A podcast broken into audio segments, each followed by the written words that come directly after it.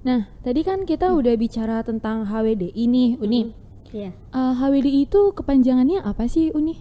Himpunan Wanita eh, Disabilitas Indonesia. HWDI Himpunan Wanita Wanita Disabilitas Disabilitas Indonesia. Hmm. Nah, eh, tadi kan berarti kegiatan kita kan ngomongin tentang kemiskinan nih, eh, Ibu ya. Nah, eh, dari eh, HWDI sendiri itu apa penyebab yang paling eh, menonjol eh, terjadinya kemiskinan bagi teman-teman perempuan disabilitas? Hmm. Oke. Untuk konteks perempuan disabilitas itu penyebab kemiskinan bisa dikatakan berpa- berlapis gitu kan. Mm-mm. Eh, kedisabilitasan ditambah eh, faktor tidak adanya dukungan dari keluarga, masyarakat sekitar serta eh, apa namanya budaya lokal yang bisa menyebabkan kemiskinan eh, bagi perempuan disabilitas gitu. Hmm. Eh, misalnya eh, tantangan perempuan disabilitas untuk mengakses pendidikan dan pekerjaan Mm-mm. eh, yang eh, kalau bisa dibilang sangat eh, lebih berat dibandingkan laki-laki gitu. Contohnya gimana tuh? Iya, Hmm. contohnya. Contohnya? Misalnya kan kalau dalam pendidikan saja kan Mm-mm. anak perempuan disabilitas ingin sekolah melanjutkan kuliah misalnya. Mm. Tapi kebanyakan ada juga orang tua yang menganggap apalagi yang masih tinggal di pedesaan itu kan Iya. nggak usah lah sekolah tinggi-tinggi gitu kan karena dianggap eh, apa tidak punya masa depan gitu kan Mm-mm. nanti kamu dibully ya seperti itu ya takut Mm-mm. dibully atau anaknya gimana nanti ya gitu kan nah seperti itu gitu kan Kalau dari perempuan disabilitas itu eh, paling banyak di umur berapa sih, Bu? Gitu. Yang paling banyak eh, gimana ya istilahnya? ya? Eh, paling banyak eh, penyandangnya itu tuh di range umur berapa Iya, di range gitu. umur berapa gitu. yang dari Yang dari yang tergabung di dalam anggota HWDI. oh, yang tergabung dari HWDI ska- saat ini itu ada yang umur 18 tahun Mm-mm. mm-mm, Rentang umur 18 sampai, sampai eh, ada yang 45 tahun juga ada. Sampai juga ada juga usia yang sampai manula istilahnya gitu. Nah, kalau untuk di HWDI itu sendiri yang boleh menjadi anggota itu apa penyandang disabilitas saja atau non disabilitas juga boleh bergabung, Bu? boleh non disabilitas eh, boleh. Jadi kita itu kan sebagai volunteer istilahnya. Iya, Nah, heeh. yang membantu dan mendukung ke semua kegiatan eh, di HWDI Jadi kalau misalnya mau menjadi volunteer di HWDI itu Mm-mm. eh, gimana tata caranya biar bisa masuk jadi volunteer di HWDI gitu nih? Eh, mungkin bisa datang ke kantor sekretariatnya gitu kan Hmm. terus mungkin kita bisa berkenalan terus ikut kegiatan eh, ikut kegiatannya apa Hmm. nih kegiatannya eh, misalnya ada eh, acara ulang tahun disabilitas gitu kan Hmm. ya, kalau bisa dat- eh, misalnya ikutan gabung gitu kan Hmm. kita atau sebelumnya juga bisa kasih masukan gimana supaya acara ini bisa eh, ini kan berjalan lebih baik gitu kan Mm. Nah, itu kan tadi kemiskinan di perempuan Di disabilitas perempuan, ya. iya. Nah, kalau dari secara umumnya nih Pak, apa sih penyebab eh, penyebab kemiskinan bagi teman-teman disabilitas ini gitu? Ya, ya. Sebenarnya kalau kita bicara apa kemiskinan dan disabilitas itu ibaratnya lingkaran setan. Iya benar. Iya. Begini, eh, eh, penyandang disabilitas itu sangat rentan ya terperangkap dalam kemiskinan ya karena ya itu tadi eh, mereka mengalami apa namanya hambatan untuk mengakses ya hak-hak dasar lah misalnya untuk pendidikan ya kemudian eh, ketika mereka tidak punya akses ke pendidikan otomatis akan berakibat pada akses ke lapangan pekerjaan mereka juga akan eh, ter Sulit ya. sulit ya kan? Ba- bagaimana mereka akan mem- akan memenuhi kebutuhan eh, dasar mereka jika akses untuk pemenuhan itu mereka sang- eh, terhambat begitu. Nah begitu pula sebaliknya eh, eh, apa namanya orang-orang yang da- di, di keluarga miskin misalnya itu tentunya akan cenderung potensial berisiko melahirkan eh, apa bukan melahirkan apa namanya eh, ya ketika nanti eh, mereka punya anak karena asupan gizinya tidak cukup ya karena faktor kemiskinan tadi kemudian akses layanan kesehatan mereka juga eh, terhambat ya nanti akan eh, apa namanya ya ya anak-anak mereka nanti akan memiliki disabilitas. Jadi Disabilitas. eh, ini eh, disabilitas dan kemiskinan itu saling eh, berkaitan. Ya, makanya saya sebut dengan lingkaran setan tadi. Kemiskinan bisa menyebabkan kedisabilitasan, begitu juga sebaliknya kedisabilitasan akan menyebabkan kemiskinan gitu kan. Makanya tidak heran eh, untuk konteks di negara-negara eh, apa di global south atau di di negara-negara berkembang itu cenderung ya kalau kita bikin persentasenya itu memang sebagian besar penyandang disabilitas itu pasti masuk ke kelompok masyarakat miskin, miskin, ya kan iya. karena tidak semuanya eh, apa punya eh, akses, em, apa didukung oleh keluarga, support oleh keluarga, tidak semuanya juga bisa mendapatkan hal seperti itu. Nah, apalagi kemudian masyarakatnya juga tidak akomodatif, ya lingkungan menghambat, ya sudah otomatis mereka akan terperangkap di kemiskinan selamanya. Kemiskinan gitu. itu, gitu. Nah, terkait tentang disabilitas nih, apakah memang dari keturunan atau ada faktor lain, Pak? Ya, itu kalau kita, tadi sudah saya sampaikan juga penyebab kedisabilitasan itu sangat banyak ya. Eh, ya salah satunya tadi ya karena di keluarga yang miskin tidak punya eh, apa eh, kebu- eh, kebu- tidak bisa memenuhi kebutuhan gizi yang cukup ya ibu-ibu hamilnya sehingga nanti berpotensi melahirkan anak-anak yang disabilitas. Kemudian juga faktor dari eh, ini bencana alam ya ketika gempa terjadi di Padang di tahun 2009 ya. Kemarin. Nah itu kan sangat banyak ya eh, apa namanya penyandang-penyandang disabilitas baru ya dikarenakan eh, efek dari ke- bencana. Kemudian faktor kecelakaan juga ya juga berpengaruh ke situ. Kemudian penyakit juga seperti eh, stroke atau penyakit-penyakit lainnya eh, berpotensi untuk eh, menimbulkan apa namanya menambah jumlah penyandang disabilitas. Kemudian di, da- di daerah-daerah konflik juga ya juga berpotensi untuk itu. Tapi kalau kita bicara kemiskinan dan disabilitas, nah itu memang apa hubungan sebab akibat yang saya, saya bilang tadi lingkaran setan ya. ya. Ah, jadi ya itu untuk memutus ya mem- itu makanya yang itu perlu lingkungan eh, apa eh, eh, eh, dibikin eh, diubah ya bisa memenuhi eh, hak-hak disabilitas. Mindset masyarakat perlu juga dibangun untuk eh, lebih akomodatif menerima penyandang disabilitas sehingga bisa berkontribusi eh, bisa memenuhi hak-hak dasarnya tadi. Nah, makanya pendekatan kita melihat disabilitas sekarang harus diubah. Jadi ada perubahan paradigma yang dulunya karitatif ya. Charity itu hanya memberikan bantuan, bantuan, bantuan saja tanpa memberikan eh, kemandirian dan pemberdayaan. Nah, sekarang eh, hak-haknya itu dipenuhi, fasilitas kemudian di lingkungan eh, fisik maupun masyarakat dibuat lebih akomodatif. Nah, sehingga eh, penyandang disabilitas bisa keluar dari kemiskinan, mereka bisa mengakses eh, pendidikan, bisa mengakses pekerjaan. Karena mungkin secara potensi kemampuan mereka tidak kalah ya. Artinya ya sama eh, sama lah seperti dengan masyarakat non disabilitas tapi karena ak- eh, hambatan di luar dirinya itu nah ini yang menyebabkan eh, mereka yang meskipun punya kemampuan ma- eh, maju di bidang pendidikan tapi ya itu akan menjadi terhambat. Ya akhirnya ya, ya eh, eh, apa terjebak dalam kemiskinan terus begitu Hmm. ya Nah, yang balik lagi nih Bu, yang yang komunitas atau HWDI. HWDI yang tadi gitu loh, yang perempuannya gitu kan. Nah, dengan adanya eh, melakukan pernikahan, apakah itu nanti akan salah satu cara untuk meningkatkan perekonomian dari eh, teman-teman yang disabilitas itu gitu? Kalau misalnya seorang anak perempuan dinikahkan oleh orang tuanya Mm-mm. sebagai melepas istilahnya beban keluarga, Iya. eh, itu sebetulnya itu malam akan memicu ada timbulnya eksploitasi Apa tuh? Dan K- KDRT gitu kan. Oh. Mm.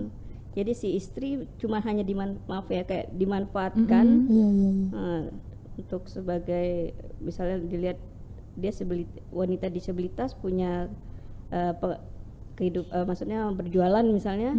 Nah, si suami lihat oh dia punya ini nih. Jadi saya pun nggak nggak perlu dong ngasih ini kan istilahnya nafkah gitu kan. Padahal sebetulnya sama aja gitu dengan perempuan disabilitas dengan perempuan non disabilitas itu sama aja juga ber- perlu dinafkahi gitu kan. Iya. Nah, banyak beberapa kasus yang pernah saya lihat itu kan yang menikah di dengan no, orang apa istilahnya non disabilitas uh, ya laki-laki non disabilitas terus menikah dengan uh, Perempuan wanita disabilitas. itu kebanyakan habis itu mereka ditinggal gitu. Hmm. Nah itu sangat ini sekali kan gitu kan. Apalagi dengan kondisi waktu itu sudah anak punya anak dua. Hmm. lalu karena dipikir oh dia udah punya usaha sendiri nih mandiri. Ya nggak masalah dong kalau saya tinggal si laki-laki seperti itu gitu kan. Oh. nah itu yang sangat ini sekali gitu kan dan itu banyak sekali kasus-kasusnya seperti itu Kalau gitu. di Kota Padang itu pernah tuh kejadiannya gitu Bu? pernah Pernah. Iya. yang ditinggal gitu aja ataupun yang penting kan nikah nih karena perjodohan keluarga juga Iya. gitu kan biasanya juga Karena gitu anak kan. perempuan Ah, gitu kan. anak perempuan gitu kan Nah, Terus dan ujung-ujungnya di KDRT gitu Iya. kan Heeh. Nah, KDRT itu gitu Nah ngomongin tentang HWDI dan kemiskinan tadi nih Bu. Mm-mm. Nah di HWDI sendiri itu tuh udah ada usaha nggak sih Bu yang bikin eh, teman-teman penyandang disabilitas ini tuh untuk keluar dari kemiskinan itu sendiri gitu? Kalau untuk yang di organisasi kita Iya. sudah pernah mensupport teman-teman gitu kan yang istilahnya punya ke apa misalnya keterampilan gitu kan kita udah pernah cari dana dari pemerintah ataupun ini kan lalu kita danai mereka terus kita bikin kerajinan cuman ada sedikit permasalahannya yaitu kurangnya kita untuk gimana cara kita memasarkan produk mereka gitu kan hmm, Nah, itu yang jadi kendala kita selama ini. Lalu juga apa namanya?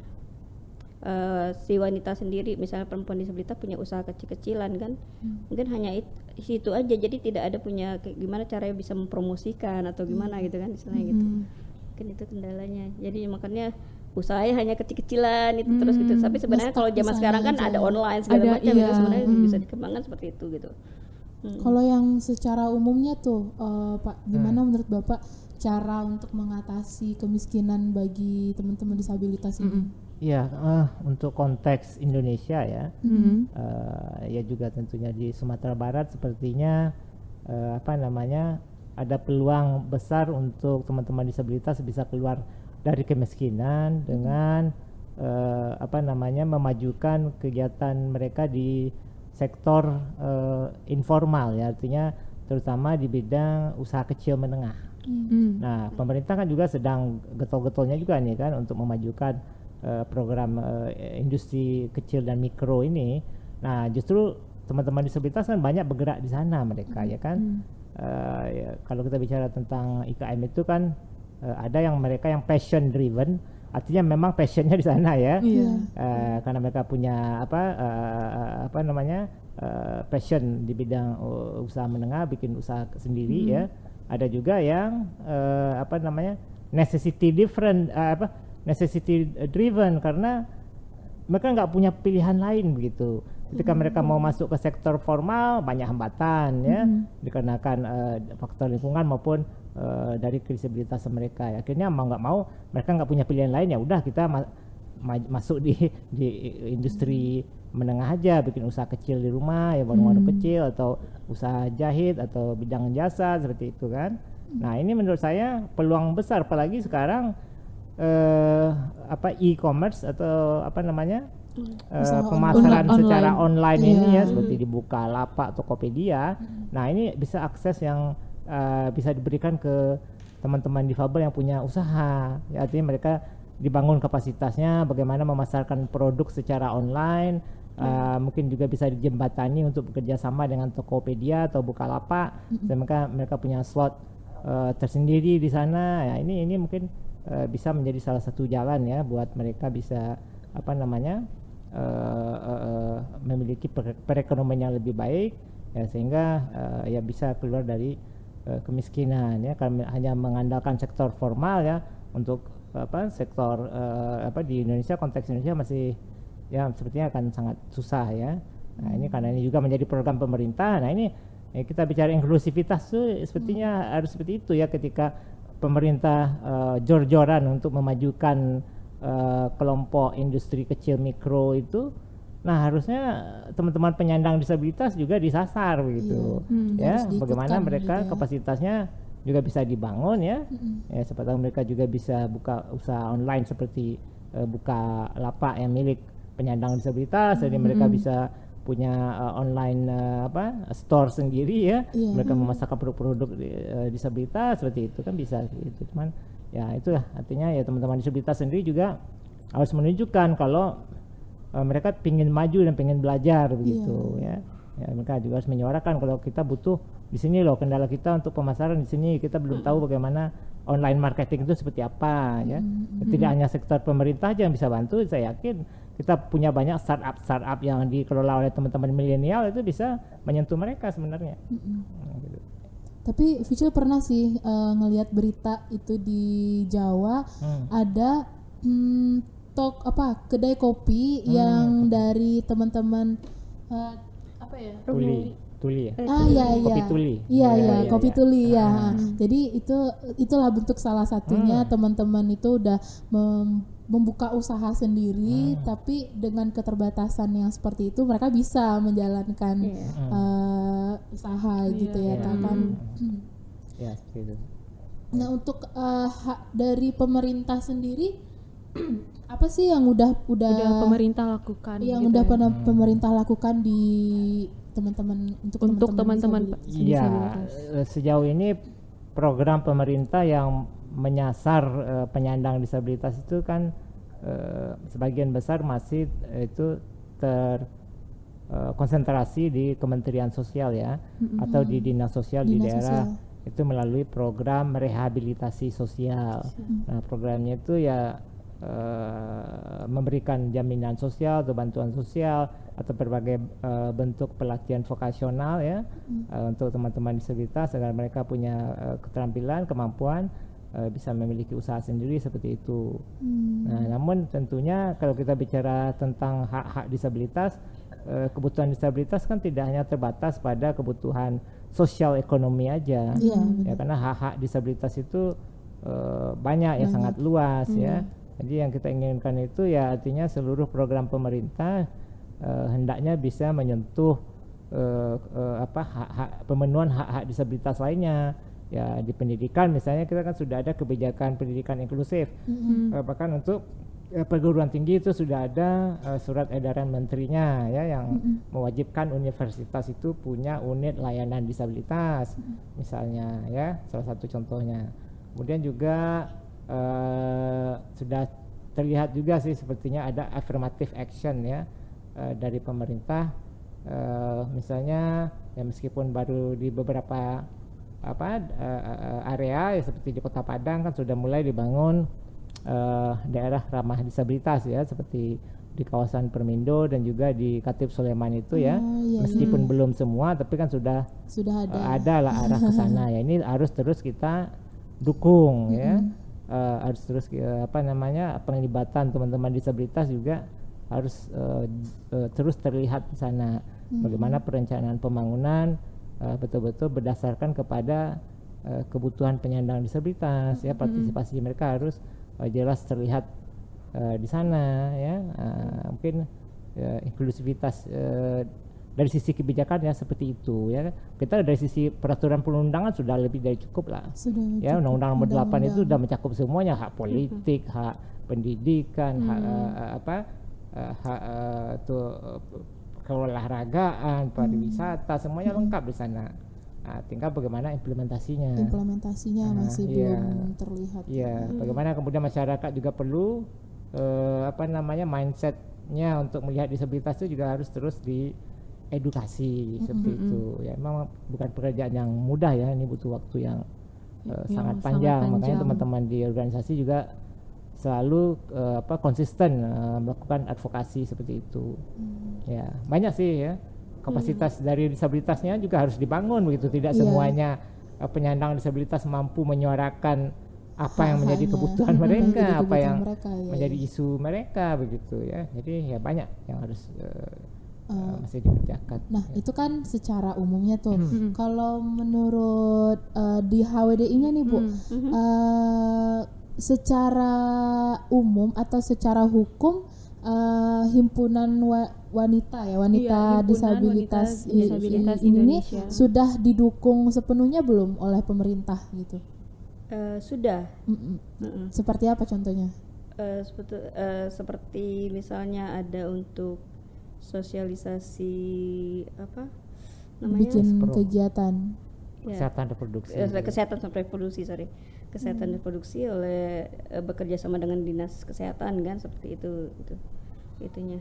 Apakah masih itu tuh eh, masih kurangkah terasa atau harapannya apa lagi selain Mas- di ya itu? masih kurang karena karena mereka seperti misalnya harusnya kan setiap eh, sorry disabilitas ini kan beragam kan? Iya. Yang tadi saya eh, Pak Anton bilang Iya. ada disabilitas tuli netral gitu kan. Dan mereka tidak me, me- istilahnya mengukur rata disabilitas ya disabilitas gitu. Tapi kan teman-teman netra kan butuh juga misalnya ada bu- buku panduan buku panduan. yang berupa audio ataupun paling nggak braille gitu kan atau teman-teman tuli yang mungkin secara visual itunya kan gitu. Mereka itu cuma hanya buku menyediakan buku terus dengan penjelasan-penjelasan gitu aja seperti itu aja gitu kan. Jadi teman-teman juga masih ada yang bingung gitu kan eh, tentang bagaimana ini reproduksi wanita gitu kan. Gimana eh, apa wanita usia berapa yang harus menikah segala harus macam itu menikah kan gitu Hmm, seperti itu gitu. berarti masih banyak hal-hal yang memang dibutuhkan tapi Tapi belum belum didukung. Ya, didukung mereka sudah pemerintah. mendukung tapi belum istilahnya sama rata Mas, sama Hmm, rata kan dengan karena macam-macam setiap ma- disabilitas kan punya kebutuhan berbeda-beda gitu kan. berbeda-beda kayak gitu ya. Nah, terus kalau misalnya yang di wanitanya nih Bu ikan perempuan nih itu ketika mereka mendapatkan sebuah kasus misalnya kasus ya kayak tadi dia sudah menikah terus eh, mendapat kekerasan dalam rumah tangga dan segala macamnya gitu kan. Itu untuk melakukan pelaporan itu mereka harus melapornya tuh bagaimana dan tahapnya tuh bagaimana? Apakah sudah didukung sama pemerintah kah? Atau memang sudah dilindungi sama eh, komisi perempuan dan anak kah? Atau bagaimana gitu bu? Gitu. Oke, kalau untuk temuan wanita disabilitas itu ada juga yang istilahnya dia berani melapor gitu kan. secara pribadi Iya, secara pribadi atau mungkin karena malu atau apa Iya. menutup diri gitu. Ya udahlah kasus ini dibiarkan, biarkan aja lah gitu kan. Kalaupun saya nantinya takutnya berpisah dengan suami, pas dia sendiri mungkin nanti saya gimana masa depan saya dan anak saya kemarinnya kan berpikir seperti itu kan. Hmm, Heeh. Jadi ada juga yang melapor. Kalau yang melapor itu kan kita udah ke tahap ke polisi, Ke polisi, kepolisian, lalu teman-teman LBH juga eh, ada yang pernah mendampingi gitu kan. hmm, sampai kasusnya selesai Ya. Hmm. Mm-mm. Tapi kebanyakan sih kasusnya yang istilahnya dia Keep eh, sendiri tutup gitu. sendiri ya, keep Tutup, sendiri. gitu banyak kan. tutup sendiri Mm-mm. Mungkin karena mau termalu atau gimana kita. Tapi di situ nggak bisa eh, di HWDI sendiri nggak bisa sebagai wadah untuk melakukan Penampung. penampung, Penampung, gitu Di- bisa nggak bu di HWDI sebagai wadah untuk mereka mengadu Mm, kayak mengadu. gitu? Sebetulnya bisa gitu kan. Dan kita sendiri yang di organisasi HWDI ini juga berusaha untuk eh, istilahnya ber, bermitra dengan LBH, dengan Nurani Perempuan, dengan KPI gitu kan. Gimana caranya kita untuk bisa mecahkan permasalahan ini bersama gitu kan. Istilahnya gitu. Makanya kami juga eh, menjalin istilahnya bersinergi dengan mereka-mereka itu. Dan mungkin mereka bisa masih masukkan bagaimana untuk menangani kasus ini. Karena ka- di HWDI sendiri juga masih belajar gitu baru bela- belajar bagaimana eh, menangani kasus-kasus seperti itu gitu kan. Di HWDI Kota Padang eh, ini udah berapa lama gitu bu Berdirinya Padang itu sudah cukup lama dari tahun 1000 Oh, udah lama ya? Udah tahun seribuan. 1000 ya 1900-an 97 banyak kalau- kasus-kasus yang memang lama sekali malah. tentang perempuan gitu bu ya. iya. Nah kalau dari anak-anaknya sendiri banyak nggak bu eh, eh, masalah yang terjadi sama anak-anak perempuan gitu?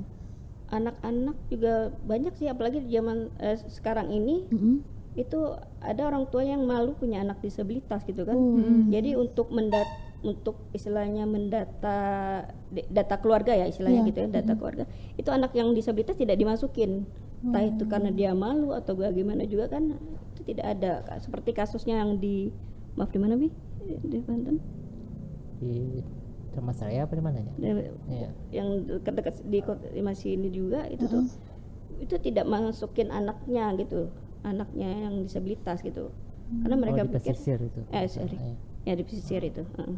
tidak masuk data kependudukan? Tidak masuk data kependudukan. Alasannya Ah, karena ya, Karena apa keluarga. namanya? Ya karena mereka masih menutup punya anak penyandang disabilitas. Hmm. Eh, jadi kalau kita bicara soal eh, data kependudukan kan memang harus eh, apa namanya inisiatif dari orang tua ya. Misalnya ketika anak mereka lahir lalu diberikan akta kelahiran. Nah ini orang tuanya merasa karena anak mereka disabilitas ya tidak usah lah nggak perlu dikasih akta kelahiran. Nanti misalnya eh, orang tahu anak kita disabilitas gimana seperti itu kan. Eh, jadi mindset mindset seperti itu masih masih banyak ya. Terutama di eh, apa di di daerah-daerah yang jauh dari eh, akses informasi ya ketika masih ada eh, persepsi bahwa memiliki anak disabilitas itu hal yang aib karena mungkin norma- masyarakat berpendapat oh dulu orang tuanya mungkin pernah melakukan dosa apa sehingga anaknya lahir. Nah ini eh, stigma ya. stigma stigma, Stigma, itu masih kita temukan Iya, sampai masih, sekarang itu masih. masih ada. Jadi hak anak untuk terdaftar itu di akta kelahiran itu mereka tidak berikan gitu. Ya karena alasan malu nanti aib keluarga segala macam masih banyak seperti itu. Berarti orang tuanya sendiri itu menuntut menutup kesempatan anaknya untuk bersekolah kan kalau Iya. bersekolah itu tuh eh, harus punya data-data seperti akta kelahiran. Iya, itu. Berarti dia eh, untuk untuk keluar dari kemiskinan gitu tuh kan banyak sektor tuh kan Pak yang mengakibatkan Mm-mm, eh, teman-teman disabilitas ini tuh em, em, nggak bisa keluar dari kemiskinan. Nah kalau kayak gitu salah satunya itu kan sektor pendidikan.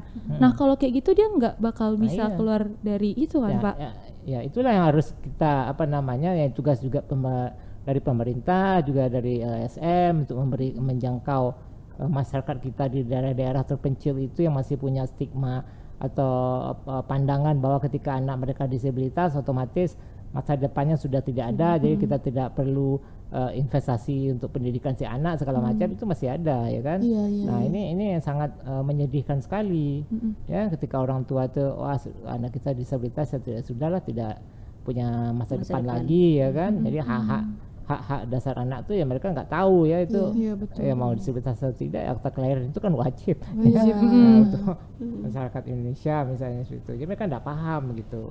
Nah itu mana mindset stigma melihat disabilitas itu ya kalau sudah ada di keluarga mereka ya sudah tidak punya harapan apa-apa lagi tidak punya masa depan itu masih kita temui di eh, era for apa point zero ini ya. Iya, yang iya, masih reformasi Ah, ini ya, itu yang yang artinya juga perlu dipikirkan lah oleh apa namanya juga pemerintah maupun juga eh, LSM. Nah ini, ya, ini malah ini temuan dari teman-teman di eh, KPI ya, Iya. ketika mereka riset ke daerah eh, pesisir kalau tidak salah ya. Nah ini ini salah satu contohnya. Ya, cuma kita kan tidak tahu, jadi sangat eh, kompleks sebenarnya ya. Ket- eh, ketika eh, makanya apa namanya eh, makanya penyandang disabilitas itu sangat ya memang rentan sekali jatuh ke kelompok masyarakat miskin ya karena itu. Nah, termasuk bagaimana masyarakat dan si orang tuanya melihat disabilitas itu sebagai ya sudah habislah masa depan tidak ada harapan lagi ya seperti itu ya harus diperbaiki gitu ya Terus eh, menurut Bapak eh, tentang yang anak-anak sekolah tadi gitu kan. Hmm. Eh, Vici pernah ketemu sama adik yang eh, itu disabilitas gitu kan. Tapi orang tuanya nih, orang tuanya memaksa anaknya ini untuk sekolah umum gitu loh. Padahal eh, di sekolah itu eh, belum ada belum fasilitas. ada fasilitas yang mendukung. Pertama yang pertama. Terus gurunya juga pasti susah untuk ber- mengadap eh, mengadaptasi atau mengajarkan adik ini gitu Iya. kan. Dan itu membuat orang tua atau wali murid yang lain tuh kayak kasihan juga gitu loh. Kasihannya tuh sama adiknya ini em, pertama dia nggak sepenuhnya bisa belajar di sekolah terus dia sakit dia juga jarang masuk sekolah dan itu ya gimana gitu nah itu menurut bapak tuh gimana tuh pak Iya, apa namanya? eh setiap anak ya yang disabilitas itu kan mereka dijamin undang-undang ya Iya. haknya terhadap pendidikan. Heeh. Nah, eh, ada dua eh, apa pilihan ya. Mm-mm. Mereka bisa masuk ke sekolah umum Mm-mm. ya dengan eh, program pendidikan inklusif itu atau eh, bisa eh, melanjutkan eh, ke sekolah luar biasa ya. Luar Jadi biasa, ya. ini kan dua met- mm, metode pembelajaran untuk disabilitas ini berjalan beriringan nih, ya kan? Mm-mm. Nah, eh, ya itulah juga kendala untuk eh, implementasi pendidikan inklusif itu eh, kesiapan sekolah itu belum apa namanya ya eh, masih jauh lah dari standar, ya, tapi Iya. Mm-mm. eh, mereka harus tetap eh, apa artinya melaksanakan eh, eh, mandat dari undang-undang. Mereka tidak boleh menolak jika ada anak disabilitas yang eh, sekolah di sekolah umum. Ya, ini Mm-mm. ya ya mau tidak mau ya mereka harus siapkan eh, fasilitas, aksesibilitas, akomodasi yang layak sehingga si anak bisa belajar dengan baik seperti Dengan anak baik, lainnya. Tapi realitanya kan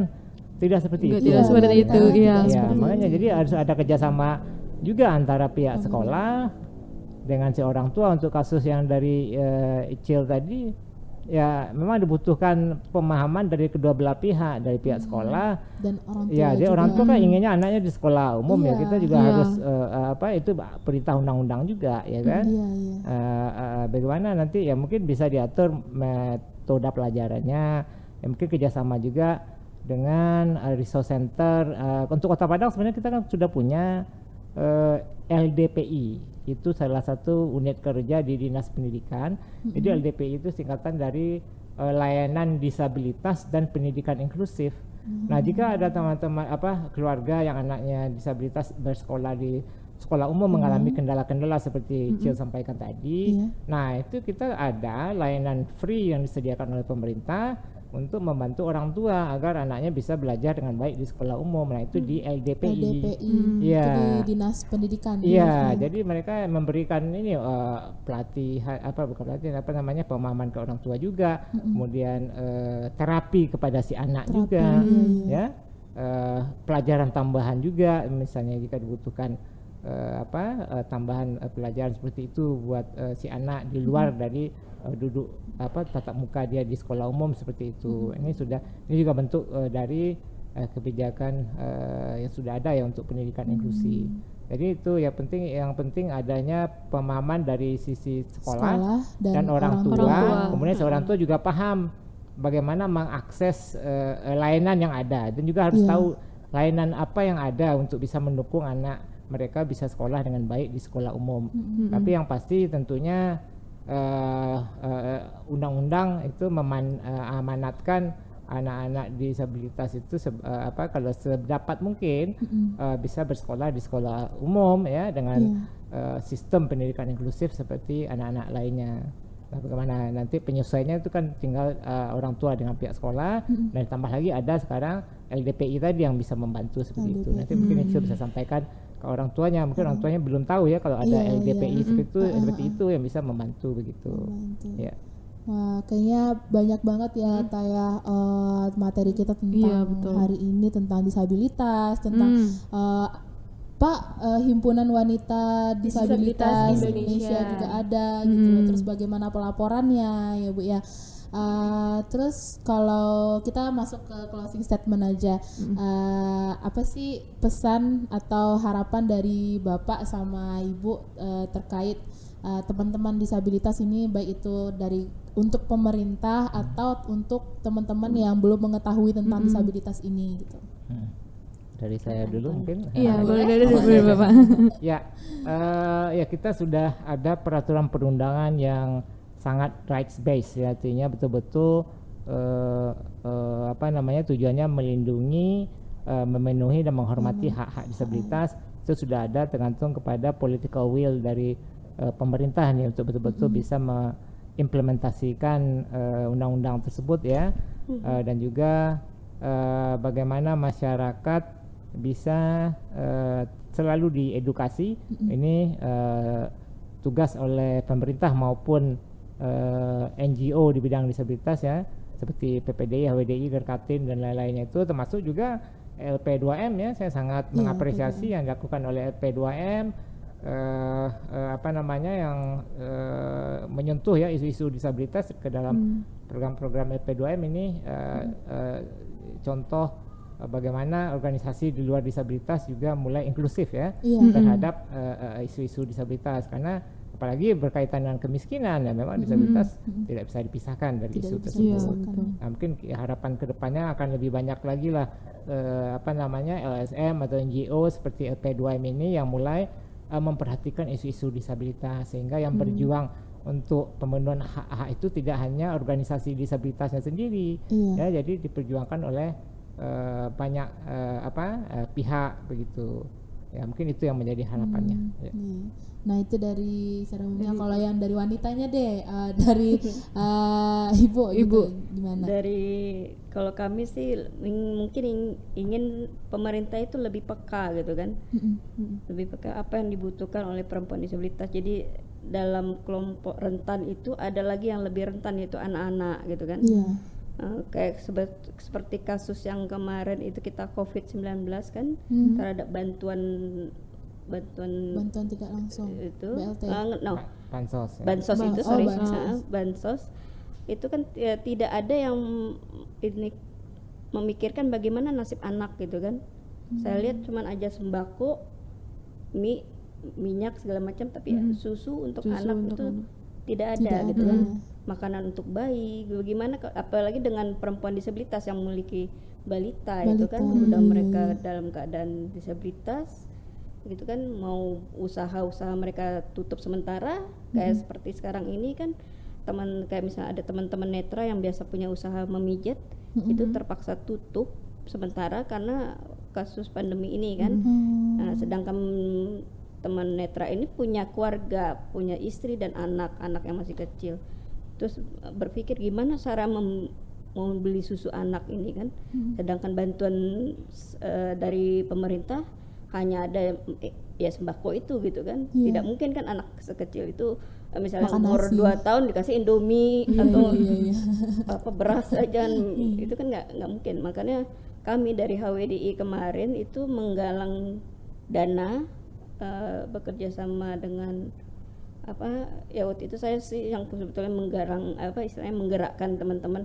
yuk kita hubung bikin proposal. Hmm. mungkin kita itu kan uh, kita ajukan ke waktu, waktu pertama kali itu ke Pak Wali. Itu saya sempat ya apa menunggu sih sebenarnya kok apa kok lama gitu direspon gitu kan.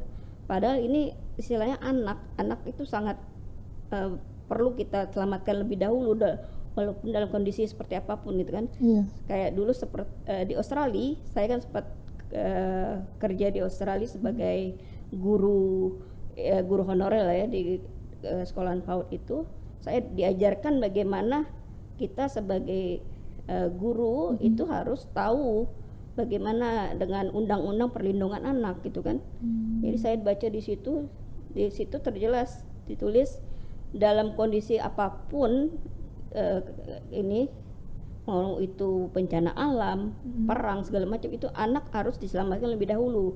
Apalagi dalam kemarin itu kan kita dalam kondisi uh, eh, PSBB kan, yeah. di mana ini tapi tidak ada memikirkan gitu kan, gitu kan. Padahal kalau saya dengar-dengar, padahal di Padang ini sudah ada gitu kan hmm. undang-undang hmm. tentang perlindungan anak kok pro ininya kok tidak ada gitu. Tidak ada. Tidak ada kepikiran, kepikiran oleh mereka untuk anak-anak. untuk anak-anak gitu kan. Yeah, akhirnya yeah. makanya saya ya udahlah.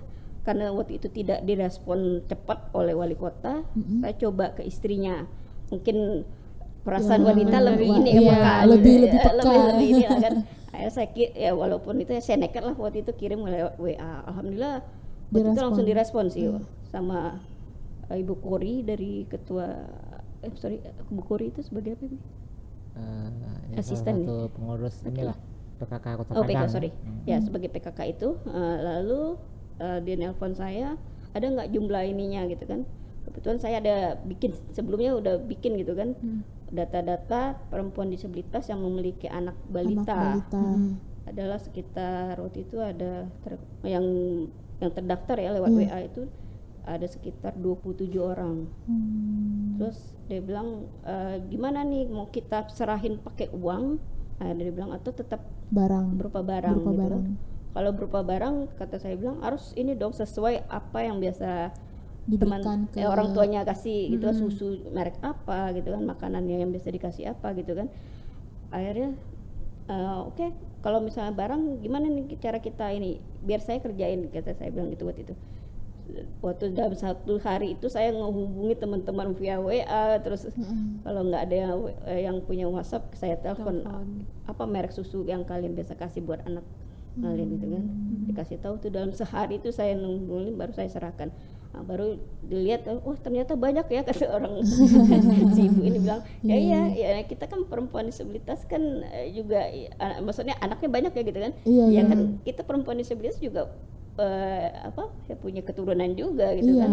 Heeh, akhirnya oke alhamdulillah eh, diserahkan berupa barang yang memang betul-betul dibutuhkan oleh bantuannya sampai eh, tiap bulan? Eh ya waktu kemarin itu janjinya setiap sebulan sekali setiap mereka sebulan sekali Selama PSBB aja kan. selama PSBB. Oh, ya semoga PSBB. eh, dengan Iya. seperti itu terbukalah hati eh, pemerintah, pemerintah untuk lebih memperhatikan lebih gitu. memperhatikan kebutuhan dari teman-teman disabilitas. Eh, mungkin itu aja dari kita hari ini Iya, ya, Tah, ya. iya, Ada lagi tah?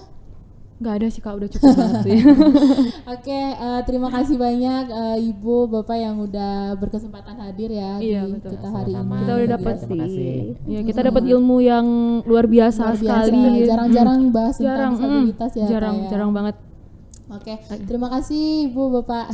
Ya sama-sama. Ya, terima kasih Terima juga. kasih juga. Iya.